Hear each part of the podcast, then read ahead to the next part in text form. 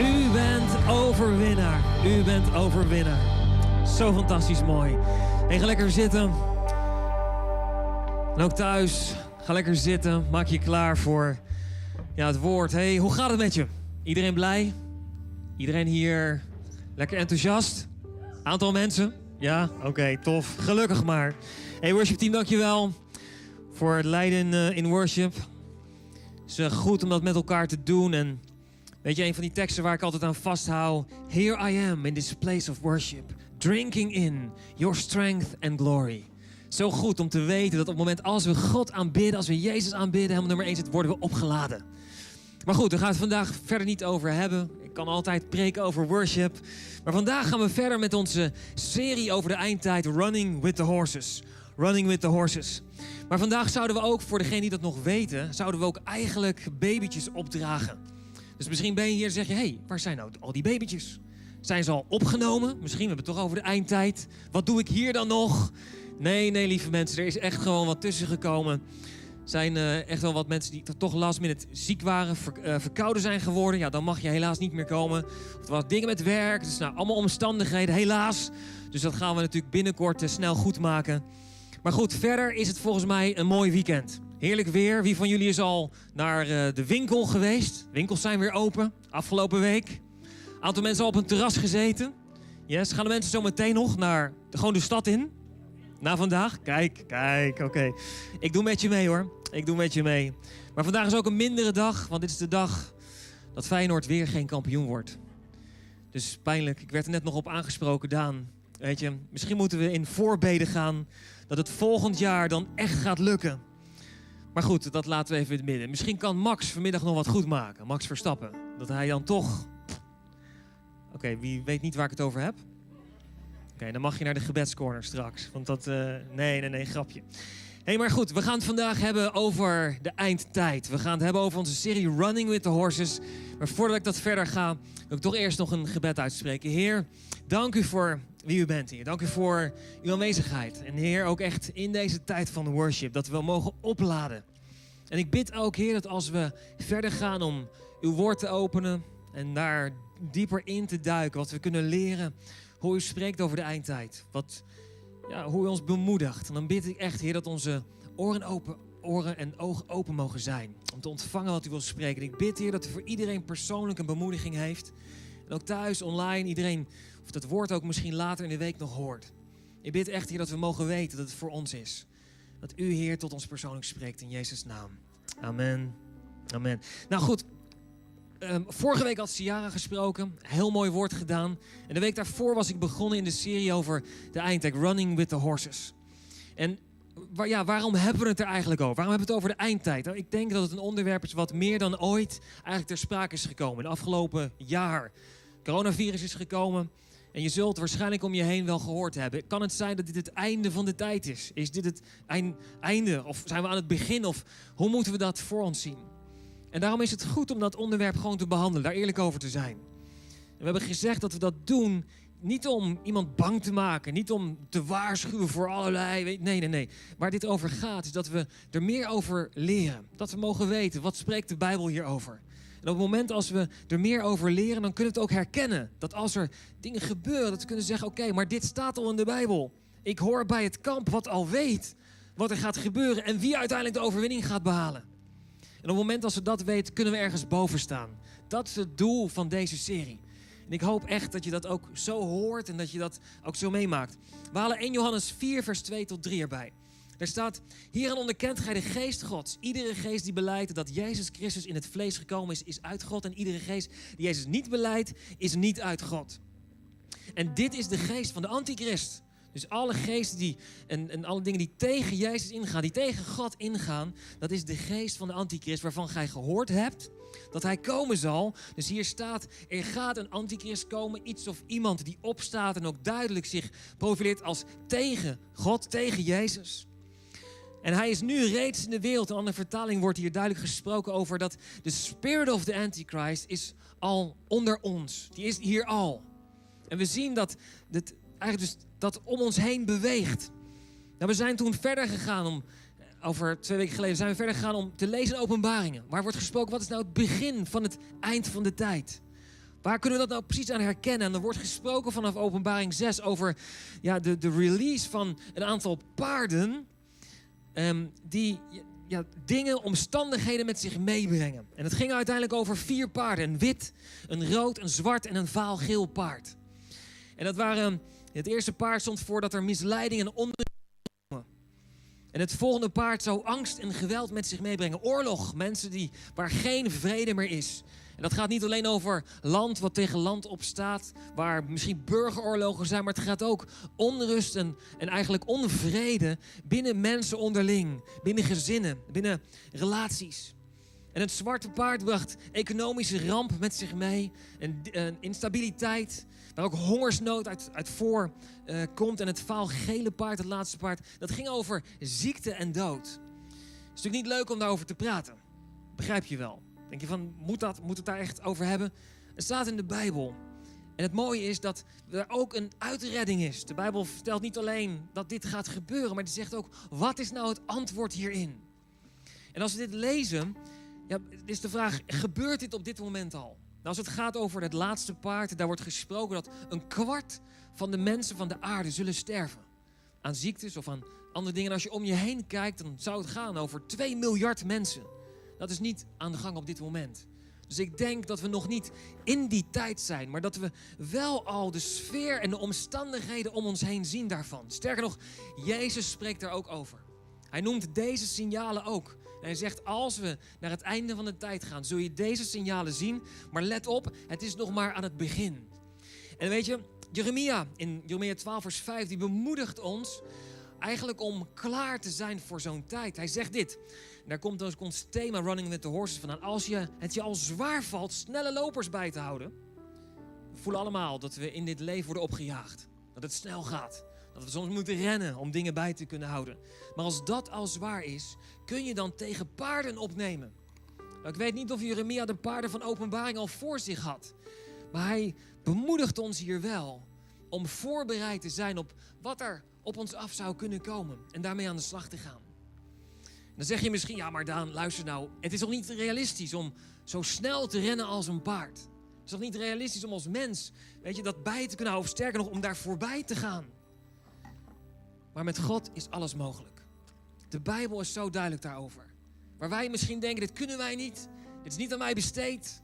Hoe denken ze eigenlijk dat dat kan? Nee, met God is alles mogelijk. En het mooie is als we de Bijbel lezen, dan staat die vol met bemoediging en, en, en, en tips en, en, onderwijs over hoe we in zo'n situatie als dit, weet je, hoe we hiermee om zouden kunnen gaan. En het begint met Matthäus 24, vers 13, waar Jezus eerst iets vertelt over het einde van de tijd. En dan komt hij erachteraan met Matthäus 24, vers 13, zegt hij, maar wie dwars door alles heen aan mij vasthoudt, zal gered worden. En dat is ons antwoord. Jezus is altijd in alles ons antwoord. Altijd. En ik wil je echt bemoedigen om alles wat we vandaag ook bespreken, wat ik hier uithaal, om altijd te kijken van, Jezus, waar bent u in dit? En weet je, we hebben, toen als het gaat over Jezus, hebben we twee dingen eruit gehaald. Dat wel, wat is belangrijk om, als het kan zijn dat er, als het gaat over die paarden, dat je dreiging voelt van achter, of dat het op je afkomt, dat je zegt van, oh help, hoe moet ik hiermee omgaan? We hebben twee dingen genoemd. Het belangrijke, punt 1 is om Jezus centraal te stellen, altijd. Jezus op nummer 1. En dat hebben we gehaald aan de hand van hoe God instructies gaf hoe Israël zijn kamp moest opzetten rond de tabernakel, het huis van God. Waar de aanwezigheid van, Gods uh, aanwezigheid van God was. Waar werd gezegd, je moet je richten op Gods aanwezigheid en je leven rond Gods aanwezigheid bouwen. En het mooie van het richten op Gods aanwezigheid is dat wat er ook van achter komt, wat voor dreigingen er misschien ook zou zijn, Waarbij God zegt: nee, kijk niet naar de dreiging, kijk naar mij. Kijk naar mij, focus op mij.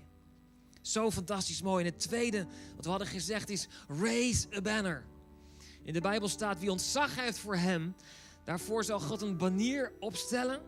En die banier, wat doet een banier ook alweer? Dat, dat laat je zien waar je bij hoort. Vandaag de dag, misschien weer het verkeerde voorbeeld, maar Feyenoord. Als je een banier van Feyenoord plaatst met een grote logo en je gaat eronder staan, dan weet je, ik hoor bij deze club.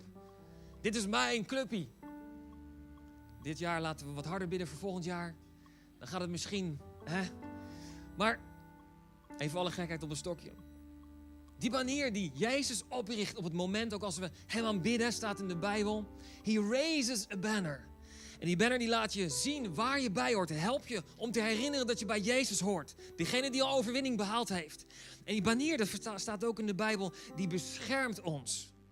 En het laat ons ook herinneren dat Hij degene is die voor ons vecht. Zo belangrijk.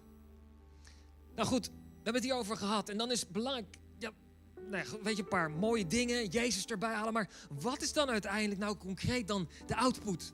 Wat gaan we dan zien in ons leven? Hoe zien we dit dan terug vertaald? Dat als, als ons leven, als we Jezus op nummer 1 zetten, als we Hem centraal stellen, als we bidden en weet je, als Gods banier over ons is, wat gebeurt er dan concreet in ons leven? En dan gaan we verder in de Bijbel duiken, want er zijn een aantal Bijbelboeken die ons wat meer leren over de eindtijd. Het Oude Testament gebeurt er, maar ook het Nieuwe Testament. Jezus zegt er iets over. We hebben Petrus, we hebben openbaring. Maar ook Paulus spreekt uh, over de eindtijd. En dat lezen we in 1 Thessalonicense 4 en 5. En je kunt dat thuis voor je op je gemak gewoon eens rustig doorlezen. Hij spreekt over een bazuin die gehoord gaat worden. En het mooie is dat als je die hoofdstukken doorleest, 4 en 5, dan, dan, lees je over dingen in de toekomst. En op een gegeven moment, dan maakt Paulus eigenlijk aan het einde van hoofdstuk 5, doet hij een soort wrap-up. Waarbij hij een soort eigenlijk zegt van nou, oké, dit allemaal gehoord hebbende, wat moet je nou concreet doen? Wat is nou je eigenlijk als het ware je, je eindtijd checklist, als ik dat zo mag zeggen?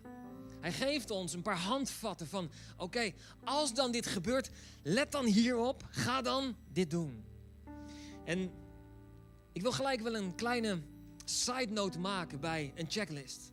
Want een checklist maakt iets kwalificeerbaar. Het is eigenlijk een soort checklist, doe je iets goed of doe je iets niet goed? En de uitdaging daarbij is, ik weet niet hoe dat gaat als je een beoordelingsgesprek krijgt op je werk of als je op school, weet je, of op je opleiding, weet je, misschien een soort checklist hebt. Dat je dan denkt, oké, ik moet daarmee aan de slag. Ik moet nou, eigenlijk zorgen dat het dus beter wordt. Dat de volgende keer dat ik uh, iets hoger cijfer krijg of dat ik iets beter score op dit gebied. En als wij deze checklist zo meteen doorgaan, kan het zijn dat je ook dat gevoel krijgt. Dat je zegt, oké, ik moet hiermee aan de slag. Maar het ding is dat wij vaak bij uh, zo'n checklist bij onszelf te raden gaan. Dat we zeggen, oké, hoe kan ik dan anders aan de slag gaan? En soms vergeten we daarbij om te kijken wat de input is. En wat ik hiermee bedoel is dit. We hebben thuis een mooie koffiemachine waar we bonen in gooien. En uh, als we een knop drukken, komt er mooie koffie uit. Heerlijk. Maar op het moment als ik zorg, niet zorg dat de input goed is. Dus stel je voor dat ik sojabonen in die koffiemachine gooi. En ik zet mijn beker eronder en ik druk op de knop en ik proef dat, dan heb ik geen koffie. En ja, dan denk je van nou, misschien moet ik hem dan wat sterker instellen. Dus ik druk dan op die knop. Misschien nog wat andere tweaks die je kunt doen aan een koffiemachine. Om te zorgen dat het dan misschien uiteindelijk goed gaat. En uiteindelijk, je weet, ik ben het me eens, dat zal nooit echt koffie gaan worden. Met andere woorden, je moet ook kijken naar wat is de input. Wat is nou wat je er uiteindelijk ingooit? En eigenlijk wil ik je vragen om als we de checklist doorgaan, om met deze bril te gaan kijken. Om te zeggen van oké, als er wat getweakt moet worden. Als het zo is dat ik zeg, hé, hey, die checklist, daar moet ik mee aan de slag. Om dan niet alleen te kijken, oké, wat kan ik anders doen? Maar vooral te kijken naar wat gooi ik eigenlijk in mijn machine. En ik hoop dat je met me eens bent dat het altijd Jezus moet zijn. Op het moment als we zeggen, oké, ik schiet het tekort. Ik zou nog iets meer. Zorg dan dat je meer Jezus hebt. Ga meer van hem leren. Ga meer naar hem kijken. Meer van hem lezen. Meer van hem ontdekken. Want hij is ons antwoord. Nou, ben je klaar voor de checklist? Komt-ie. Het gaat er dus over, eigenlijk tips en een teaching, over wat nou als er een moment is dat je het gevoel krijgt dat er van die paarden in je leven zijn die je proberen in te halen. Dat je zegt, oké, ik kan het niet meer. Weet je, ik heb Jezus echt extra hard nodig. Dan is het goed om te kijken, wat is de output? En daarmee uiteindelijk te zeggen, oké, als ik daar werk aan de winkel heb, om goed te gaan kijken naar de input. En dat is te zeggen, oké, ik heb meer Jezus nodig. Beginnen we met nummer 1. Nummer 1 is, als het gaat over de paarden en als je je voet ingaat, ren met backup. Ren met backup. En eigenlijk zegt het niet heel veel meer dan, doe het leven niet alleen. God plaatst ons in een gezin in een natuurlijk gezin, maar God plaatst ons ook in een geestelijk gezin. We zijn niet gemaakt om het leven alleen te doen. Om alleen door het leven te gaan. En zeker als er tegenslag en moeilijke dingen zijn. De Bijbel spreekt daarover. Weet je, als twee mensen samen zijn, dan kunnen ze elkaar bemoedigen en weer optillen. Maar wee, degene die alleen is en hij valt, wie tilt hem dan op? En ik geloof dat we als kerk geroepen zijn om er voor elkaar te zijn. Om elkaar te bemoedigen en weer op te tillen. Op te tillen. En stel jezelf gewoon eens de vraag: wie is mijn geestelijke familie? Wie is mijn geestelijke familie? Er zijn veel mensen die Jezus in hun leven hebben aangenomen. Of die zeggen, ik geloof, ik ben christen. En dan zeg je, wie is jouw geestelijke familie? Heb je daar ook een antwoord op? En er zijn meer dingen om... Anders gezegd, God heeft ons daarin geplaatst. God heeft ook autoriteit bedacht. God is degene die dat ook in de Bijbel eigenlijk heel helder over is. Zo kennen we bijvoorbeeld het stadsbestuur, we hebben de regering. De Bijbel vertelt ons dat zij zijn aangesteld om goed voor ons te zorgen. En waar wij als Nederlanders vooral nog wel eens moeite hebben met autoriteit. Zo, niemand gaat mij vertellen wat ik moet doen. Weet je, ik voel dat ook, hè? Begrijp me niet verkeerd. Maar het is belangrijk dat we de zegen gaan zien van autoriteit. Is belangrijk dat we gaan zien dat, dat er niet voor niks is dat God dat zo bedoeld heeft. Ik heb genoemd stadbestuur, regering. Maar wat dacht je van bijvoorbeeld je werkgever of docenten? Vaak zeggen wij als scholieren, ik was ook een scholier, denk nou, waar ze die docent vandaan gehaald hebben. Dat, nee, die docent is daar om jou te zegenen voor kennisoverdracht. Of wat dacht je van gewoon het gezin, het, het, het, uh, het fysieke gezin, papa, mama en kindjes. De Bijbel leert ons, weet je, eer je vader en je moeder, opdat je een lang leven hebt. Er zit een zegen achter als wij andere mensen respecteren en eren in ons leven. En we hebben natuurlijk ook nog ons geestelijk gezin, geestelijke autoriteit. We hebben het over voorgangers, we hebben het over connectgroepleiders, allerlei teamleiders. Maar eigenlijk wil ik hem doortrekken naar iedereen die enige verantwoordelijkheid neemt. Ownership in het huis van God, in zijn, in zijn leven. Ik geloof dat we allemaal leiders mogen zijn. We lezen dat in 1 Thessalonicense 5 vers 12. Broeders en zusters, zegt Paulus, wij vragen u respect te hebben voor uw leiders die door de Here zijn aangewezen. Geloof jij dat je geroepen bent? Dat je aangewezen bent tot een heilige taak, zoals het in de Bijbel staat? Iedereen gewoon op het gebied waar jij goed in bent? Zij verrichten veel werk onder u en wijzen u terecht waar dat nodig is. Dat doen we onderling ook bij elkaar. Geven veel waardering en houd van ze, omdat ze zoveel voor u doen. Dus nogmaals, het gaat niet alleen over voorgangers, om te bidden voor voorgangers. Is goed, doen, absoluut. Maar het gaat ook onderling, onder elkaar. Ik geloof dat we allemaal geroepen, schijn, geroepen zijn voor leiderschap, voor ownership. En als we respect voor elkaar hebben, er zit zegen achter. En zo mooi, weet je, om niet, ook als het gaat over church, niet, ren niet weg van church, maar ren naar church toe. Ik geloof dat hier een zegen zit. En we noemen het daar, is dat de banner. Better together. Better together. En als je het moeilijk vindt en je zegt, ja, Daan, maar ik heb moeilijke dingen meegemaakt. Ik heb ah, teleurstellingen. Er zijn gewoon dingen gebeurd. Dat je, Jezus zegt zelf, als er dingen moeilijk zijn, kom bij mij. Geef mij jouw juk. Ik geef je mijn juk. Leer van mij. Het Engels staat daar zo, watch and learn. Kijk hoe Jezus dingen deed. En leer van hem en hij zal je rust geven. Het tweede punt. Ren met bediening. Ren met bediening. Ik geloof dat iedereen geroepen is voor een heilige taak, zo staat het in de Bijbel. Maar dat iedereen gaven en talenten heeft gekregen om een zegen te kunnen zijn voor andere mensen. In 1 Thessalonicense 5 vers 14 staat... Vrienden, u moet de mensen die hun plicht verzaken heel ernstig waarschuwen. En het ging over mensen in die tijd die dachten... Jezus komt binnenkort terug. Nou, dat was dus 2000 jaar geleden. Jezus is nog niet teruggekomen.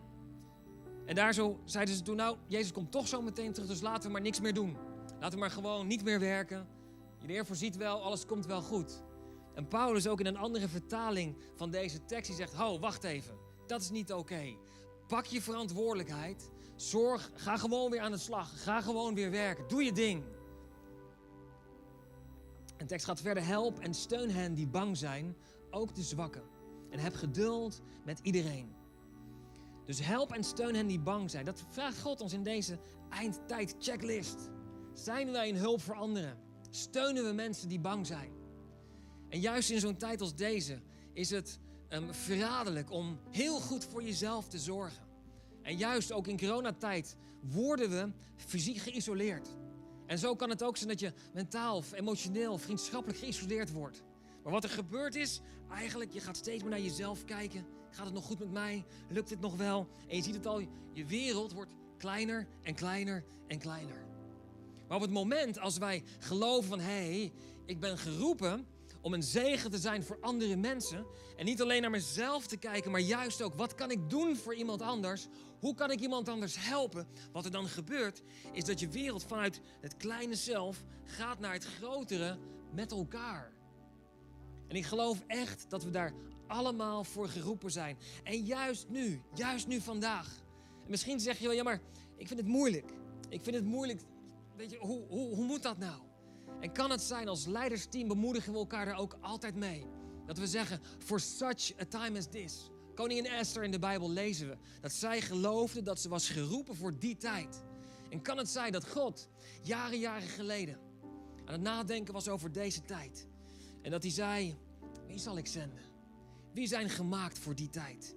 Wie kunnen die tijd aan? Welke mensen zijn geschikt om juist in deze tijd van coronavirus, juist in deze tijd waar het misschien wel wat extra moeilijk lijkt te zijn, wie zijn de mensen die dat aankunnen?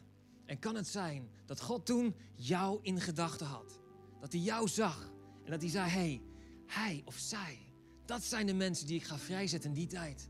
En ik geloof dat zij het verschil kunnen gaan maken in de wereld om ons heen. Ik geloof daarin. Ik geloof echt en ik hoop dat je met me bent. Dat je mag weten dat jij bent geroepen voor deze tijd. Het derde is ren met genade. En het is belangrijk om de genade van God voor jezelf te ontvangen. Maar ook die genade die je hebt gekregen, om ook die door te geven. En in het Engels is het zo mooi, want daar heb je voor het woord genade mercy en grace. En mercy is de vorm van genade, dat je niet krijgt wat je verdient. Met andere woorden, dat we geen straf ontvangen voor de dingen die we verkeerd hebben gedaan. En grace is de vorm van genade, dat je iets krijgt wat je eigenlijk niet verdiende. Dat gaat over favor, over gunst. En over de zegeningen die God voor je heeft, die Jezus heeft gekocht aan het kruis voor jou. En dit komt terug in 1 Thessalonicense 5 vers 15, waar dit staat. Let erop dat niemand kwaad met kwaad vergeldt. Dus met andere woorden, als iemand iets tegen jou doet, weet je, zorg niet dat je dan payback time. Weet je dat? Maar dat je leert vergeven. Zet mensen vrij. En wees ook altijd goed voor elkaar en voor anderen. En hier wordt gesproken over die next level. Om dus niet alleen mercy te hebben voor anderen, maar juist ook grace. Om iemand iets te geven wat hij misschien eigenlijk helemaal niet verdient. Op het moment namelijk als je Kijk, weet je, als iemand naar je toe komt en die is goed voor jou en je bent dan goed terug, is het eigenlijk een soort ruilhandel. Mag dat zo zeggen? Maar het is pas grace en favor als het gaat over die persoon heeft eigenlijk helemaal niets voor jou gedaan of heel weinig voor jou. En toch ben jij een zegen voor iemand anders. Dat is grace. Dat is wat Jezus deed voor ons. En dat ik geloof echt dat God ons vraagt om die vertaling te maken.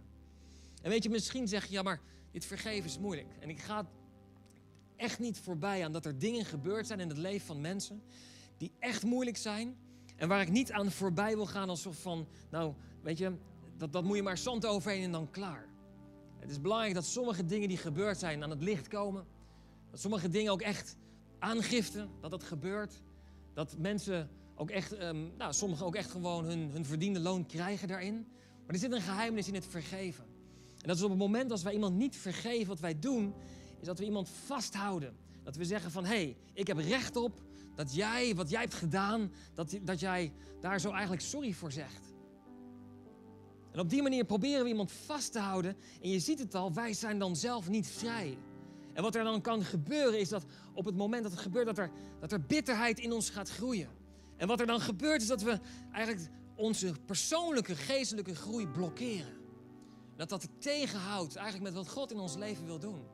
God vraagt van ons dat we mensen vergeven. En wat er dan gebeurt, is dat het eigenlijk niet eens zo heel goed is voor die andere persoon. Daar gaat het niet. Het gaat over jou. Dat jij iemand loslaat, zodat jij vrij bent. En nogmaals, ik heb het niet zozeer over hele zware, moeilijke dingen. Als dat zo is, ga straks naar het gebedsteam. We willen heel graag voor je bidden. Maar hoe vaak is het niet dat het over kleine, kleine dingetjes gaat? Wat iemand heeft gezegd, hoe iemand naar je kijkt, wel of geen e-mail gestuurd, Weet je, een afspraakje vergeten. Een, wat er dan ook kan gebeuren in het leven. Weet je, zorg dat je vergeeft. En weet je, pas ook die grace toe. En het vierde punt is dit. Ren met vreugde. dat staat in 1 Thessalonicense 5, vers 16. Er staat dit. wees ook altijd blij. Wees ook altijd. Ja, hoe dan? Soms kan het toch zijn dat je gewoon niet zo blij bent. En dat is het mooie wat hier staat. Het gaat er niet zo over, voel je altijd blij. Maar het gaat hier over, wees altijd blij. Dus met andere woorden, kan het zijn dat, dat je een keuze hebt om blij te zijn. Dan heb ik het er niet over dat je dan altijd heel zo, weet je, Nee, kan het zijn dat je kiest voor vrede en rust van binnen. Dat wat er ook gebeurt om je heen, wat voor uitdaging er ook is, dat je toch kunt zeggen, ik blijf in vrede. En ik focus op God, want waar gaat dit precies over? In Nehemia 8 vers 10 zegt, staat dit. Wees niet verdrietig, maar put kracht uit de vreugde die de Heer u geeft. In het Engels wordt er heel mooi daar gezegd, the joy of the Lord is our strength. Met andere woorden, wij hebben vreugde van God nodig om kracht uit te halen. Zeggen nog, dat is onze kracht. En waar gaat dit dan precies over? Ik geloof dat we daarbij eigenlijk altijd mogen zien want Nehemia, dat ging over de tijd dat het volk van God erachter kwam. Dat ze eigenlijk niet helemaal leefden in het plan wat God voor ze had. En Nehemia ging in die tijd, en dat hoofdstuk ging hij voorlezen uit, uh, uit de wet. Hij ging voorlezen uit, uh, laten we zeggen, uit de Bijbel. Van hoe God het leven bedoeld had. Wat, hij voor, wat voor plannen hij voor ze had. En het volk kwam er toen achter dat ze dachten, oh, dat doen wij eigenlijk niet helemaal. En toen zei, toen zei Nehemia, hij zegt, oh wacht, word niet verdrietig. Maar, zegt hij, put kracht uit de vreugde die de Heer geeft. En wat voor vreugde geeft God ons? Wat voor vreugde geeft Jezus ons? Onze input. Hij heeft ons gered. Hij heeft ons vrijgemaakt. His favor is on you. His grace is there for you. We gaan eens in het Engels praten. Wat is dat nou? Is het de Heer of is het, uh, is het me? Ik vind het zo mooi, ik heb hem er straks al genoemd. Here I am in this place of worship, drinking in your strength and glory. Your strength and glory. Ik geloof dat we die kracht bij Hem mogen halen. In Filippenzen 4 vers 4 staat, wees altijd blij in de Heer. En dan zegt Paulus er direct achteraan, ik zeg het nog een keer, wees blij. Met andere woorden, het blij zijn, deze keuze is zo ontzettend belangrijk. Het is een, een bron in ons leven. En we leren erover hoe we dat kunnen doen. We lezen, we kunnen zien dat we dat terughalen bij onze, onze bron, Jezus. Dat Hij de input is, en ik bedoel hier de koffiemachine, dat Hij degene is die onze input geeft. En iemand zei eens van, ja, hoe kan je dat nou goed vertalen? Dat echt blij zijn. En iemand zei eens, blij zijn, dat is de vastberaden keuze om God te aanbidden in alle omstandigheden. De vastberaden keuze om God te aanbidden in alle omstandigheden. Kunnen wij dat? Kunnen wij God altijd aanbidden, ondanks wat er ook gebeurt? als we dat doen, daar zit onze kracht. Daar zit de kracht dat we kunnen blijven staan, wat er ook gebeurt. Als er dan paarden op ons afkomen. Als het dan soms ons lijkt overmannen. Als we denken van, oh Heer, help, hoe gaan we dit doen? We hebben geleerd dat Jezus onze bron is. En hier lezen we een aantal punten uit wat de output gaat zijn. En ik hoop dat als je dit hoort, dat je zegt van oké, misschien heb je wel wat werk aan de winkel. In een paar punten. En er zijn er nog meer. Als ik volgende keer hierover mag spreken, dat is niet volgende week, want dan hebben we moederdag. Maar de volgende keer dat ik spreek, zal ik de rest van de punten die we uit hoofdstuk 5 kunnen halen van Thessalonicense, zal ik erbij halen. En dan gaan we nog weer wat verder, nog wat dieper in op dit onderwerp. Maar misschien hoor je dit en dan zeg je, hé, hey, dit is voor mij wel werk aan de winkel. En ik hoop dat je je niet veroordeeld voelt. Dat je niet gaat proberen om zelf dan maar mensen te vergeven. Om dan maar blij te zijn. Weet je, om dan maar met je bediening. Nee, zorg dat je kijkt naar Jezus. Dat Hij je input is. Dat je overstroomt met wat Hij je wil geven. Leer van Hem. Watch and learn. Daarom wil ik afsluiten met deze laatste vraag. En dat is, ken jij Jezus al? Heb jij Jezus al aangenomen in je leven? Heb je Hem al ruimte gegeven? Heb je Hem al toegelaten? Hij is jouw antwoord. Als je op zoek bent naar Heer, God, als u dan bestaat. Jezus is de weg, de waarheid en het leven. Niemand komt tot de Vader en de Vader is God dan door Jezus zelf. Hij zei dat en hij is hier om uit te reiken naar jou. En als jij zegt, hé, hey, ik wil die keuze maken. Ik wil dichter bij God komen en ik ontdek nu dat ik Jezus nodig heb. Dan wil ik je uitnodigen om die keuze te maken. misschien heb je die keuze al eens eerder gemaakt voor Jezus. En weet je, heb je al een paar ja, pogingen gedaan om met Hem te leven. Maar zeg, ik heb de hoop opgegeven. Het is niet gelukt. Misschien is jouw moment om vandaag die keuze opnieuw te maken. Gewoon opnieuw te beginnen. Het is mooi dat de Bijbel ons leert dat we altijd opnieuw mogen beginnen. Een nieuwe, verse start. En als jij dat bent, als je die keuze wil maken, ik wil heel graag een gebed uitspreken wat je voor jezelf gewoon zachtjes na mag bidden. En ook online. Als je dit hoort, of misschien later in de week, dat je zegt: hé, hey, dit is voor mij, dit is mijn moment. Ik wil je bemoedigen. Stel niet langer uit, maar maak die keuze vandaag. Doe dat op dit moment. Dus gewoon hier in de zaal, laten we onze ogen sluiten voor een moment om privacy te geven aan de mensen links en rechts naast ons. Je hoeft verder niets te doen, je hoeft geen hand op te steken, je hoeft niet naar voren te komen, niet te gaan staan. Deze keuze is echt tussen jou en God. Deze keuze tussen jou en Jezus. De Heilige Geest gaat door de ruimte. Ik vraag heel geen Geest, wilt u aan ons hart kloppen? Als wij deze keuze moeten maken, dan vraag ik Heer dat u het ons bekend maakt dat dit ons moment is.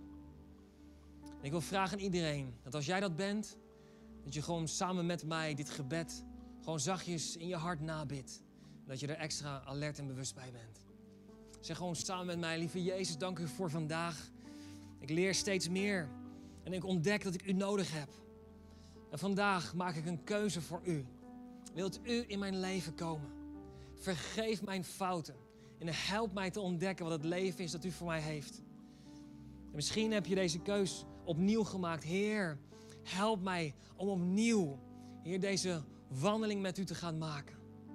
Ik heb u nodig, Heer. Ik wil dat niet meer alleen doen. En help mij te ontdekken dat u mijn bron bent. Vanaf vandaag bent u mijn leider, mijn redder en mijn beste vriend in Jezus' naam. Amen. Hey, zo mooi. En als je deze keuze gemaakt hebt, is het de beste, beste keuze die je kunt maken. Het is een keuze van een nieuwe start, van een nieuw leven met God. En je bent opnieuw geestelijk geboren. Zo staat het in de Bijbel. En ook online als je deze keuze hebt gemaakt. We zijn trots op je. Weet je, we willen er heel graag voor je zijn. En ook online als je hebt meegeluisterd en je zegt, hey, ik heb die keuze gemaakt. Klik gewoon op de link onder de video. Laat het aan ons weten. We willen heel graag iets voor je betekenen. En maak gewoon bekend wie je bent. En ja, laat ons contact met je opnemen. En ook als je hier bent en je zegt, ik heb die keuze gemaakt. Dat je, ga niet naar huis zonder gewoon met iemand van ons team te praten. Ga dus naar de prayer zone. Weet je, laat voor je bidden. En ook als je nog geen Bijbel hebt, dan geven we die heel graag aan je. Want de Bijbel is onze bron en um, is het woord dat we nodig hebben om te kunnen groeien, geestelijk. Dus maak contact met iemand van ons team. Nou hey, nogmaals, dankjewel dat je hier bent en dat je luistert naar dit woord. En ik hoop dat het je bemoedigt. En ik hoop niet dat je een oordeel voelt of dat je iets, een zwaarte voelt. Maar ik hoop dat je opluchting voelt en dat je ontdekt dat Jezus je antwoord is. En als je wat moet tweaken, als je wat moet zeggen, oh, ik moet een klein beetje werken aan dit of dat. Dat je dan zegt, oké, ik weet wat ik moet doen. En dat is als eerste naar Jezus gaan.